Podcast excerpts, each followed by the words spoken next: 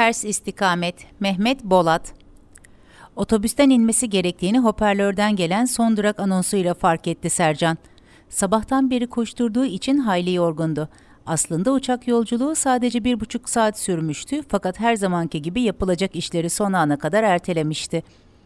Güneş doğmadan veda etmişti sıcacık yatağına ve işlere koyulmuştu. Havaalanına da haliyle son anda yetişti. Uçakta koltuğuna oturunca derin bir oh çekti. Yanındaki Türk teyzenin muhabbete aç olduğunu fark eder etmez uyuma numarası yaptı ve sonunda seyahatin verdiği tarifsiz mahmurlukla daldı uykuya. Uyandığında daha da yorgundu.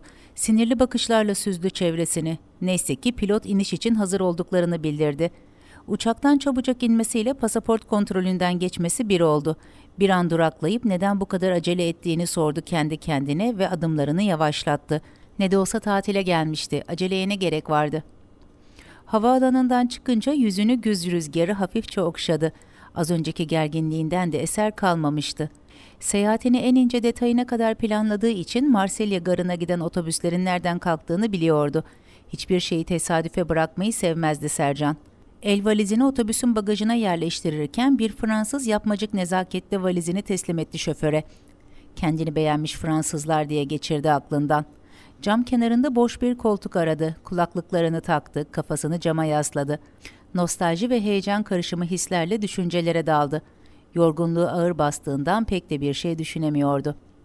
Otobüsten inerken Fransızların şoföre tek tek teşekkür ettiklerini ve iyi günler dilediklerini gördü. Helal olsun vallahi Almanlar gibi somurtmuyorlar diye mırıldandı. Garın manzarası büyüledi onu. Yabancı bir ülkeye geldi ve hiç kimse onu tanımıyordu. Milyonlarca insandan sadece biriydi. Kimse zaaflarını bilmiyor, kimseye kendini ispat etmesi gerekmiyordu. Bu önemsizlik hoşuna gitmişti çünkü burada kendi veya herhangi biri olabilirdi. St. Charles Garı'nın basamaklarından hızlıca inerken gözleri Marsilya rıhtımının istikametini gösteren tabelaları aradı. Gardan rıhtıma doğru dümdüz devam etti. Rıhtıma ulaştığında yorgunluğunu süpüren tabloyla karşılaştı. Güz güneşi ruhunu aydınlattı adeta. Sahildeki boş bir banka oturup gemileri izledi. Yanına bir anne ve çocuğunun oturmasıyla morali alt üst oldu. Kaşlarını çatarak ne güzel manzaranın keyfini çıkarıyorduk ne gerek vardı şimdi dedi içinden. Annenin çocuğuyla Almanca konuştuğunu duyunca pür dikkat dinlemeye başladı onları. Ulan Almanya'dan geldik burada da kurtulamadık bunlardan diye geçirdi içinden. Annesi çocuğuyla özenle ilgileniyordu. Normalde Almanlar baştan savar çocuklarını dedi kendi kendine. Sercan'ın onları izlediğini görünce Almanca aksanlı İngilizce ile bisküviden ister misiniz diye sordu kadın. Teşekkür ederek istemediğini söyledi. Allah Allah kesin Alman asıllı değildir bunlar diye geçirdi aklından. Hafifçe kendini belli eden açlık hissi onu kopardı eşsiz manzaradan. Böylelikle internetten bulduğu Türk lokantasının yolunu tuttu fakat bir türlü bulamıyordu adresi. Yanından geçen genci adresi sormak için durdurdu. Genç de ben de o tarafa gidiyorum isterseniz beraber gidelim dedi. Daha 10 metre ilerlemeden çocuğun teklifini kabul ettiğine pişman oldu Sercan. Kirli sakalından ve konuşmasından Cezayir veya Fas asıllı olduğu belliydi. Ya onu ıssız bir sokağa götürüp soyarsa? Uzaktan lokantanın tabelasını görünce rahatladı. İşte burası, size afiyet olsun, iyi günler dedi çocuk. Lokantaya adımını atar atmaz Türk lokantalarına has kıyma ve havasızlık karışımı koku çalındı burnuna. Oh be, Türk yemeği gibisi yok dedi içinden. Fakat ne yazık ki yemekler beklentilerinin aksine hiç de lezzetli değildi. Bir de garsonun azarlarcasına siparişini alması iyice canını sıkmıştı. Lokantadan çıkarken Türk Türk'ü gurbette üzermiş diye içini çekti. Ertesi sabah otelin kahvaltı salonuna indi. Bağıra çağıra konuşan bir grup İtalyan keyfini kaçırdı sabah sabah. Buyur buradan yak. Bu İtalyanlar neden böyle sesli konuşuyorlar diye isyan etti. Yan masada oturan grubu dikkatlice dinleyince İspanyolca konuştuklarını anladı. Bu iki dilde ne kadar benziyor birbirine yahu dedi sessizce. Çıtır kruvasanlardan üç tane yiyip şehrin sembolü Notre Dame de la Garde katedraline gitmek için yola çıktı. Bugün görebileceği kadar çok yer görmek istiyordu çünkü yarın yola devam etmesi gerekiyordu. Şehrin tepesinde bulunan katedralden çıktıktan sonra sahile doğru yürüdü. Elleri montunun cebinde sahilde dolaşırken hayatının muhasebesini yapmaya başladı.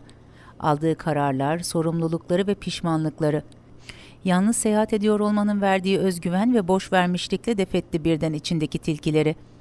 Viewport'a karşı bakan bir kafeye oturmaya karar verdi. Çektiği fotoğrafları arkadaşlarına yollayarak şakadan nispet yapıyordu onlara Sercan. Kahvesini bitirmeden Fransız garson yaklaşıp beyefendi vardiyan bitiyor da hesabı almam gerekiyor diyerek gözünün içine baktı. Ne bu şimdi diye geçirdi aklından. Kaçmıyoruz ya. Bahşiş vermemeye karar verdi. Fransa'da bahşiş vermemenin hoş karşılanmadığını anımsadı ve garsonu böyle cezalandırmak istedi. Gün hayli yorucu geçmişti Sercan için. Yatağa uzandığı gibi deliksiz bir uykuya daldı. Ertesi gün alarmın sesi felaket tellalı gibi böldü uykusunu. Resepsiyonist kadına odanın anahtarını teslim ettikten sonra metro durağına doğru ilerledi. Uçağına daha 4 saat vardı ama bu sefer acele etmek zorunda kalmadan rahatça gitmek istiyordu havaalanına. Terminale vardığında kontrol sırasında el valizlerinin ağırlığının ölçüldüğünü gördü. Kendi valizinin müsaade edilen ağırlığı geçtiğine emindi. Kaldık çalışanların insafına dedi usulca. Korktuğu başına geldi ve çalışanlar fazla gelen kilolar için ceza kesmek üzereydiler. Olaya şahit olan bir kadın yetişti imdadına. Onun valizinin sadece 4 kilo olduğunu, kalan yük hakkını Sercan'a vermek istediğini söyledi. Ulan be Fransızların hakkını yemişim, Türk olsa yapmazdı dedi usulca. Kadının şaşkınlıkla Sercan'a bakarak ''Aa siz de mi Türksünüz?'' demesiyle irkildi.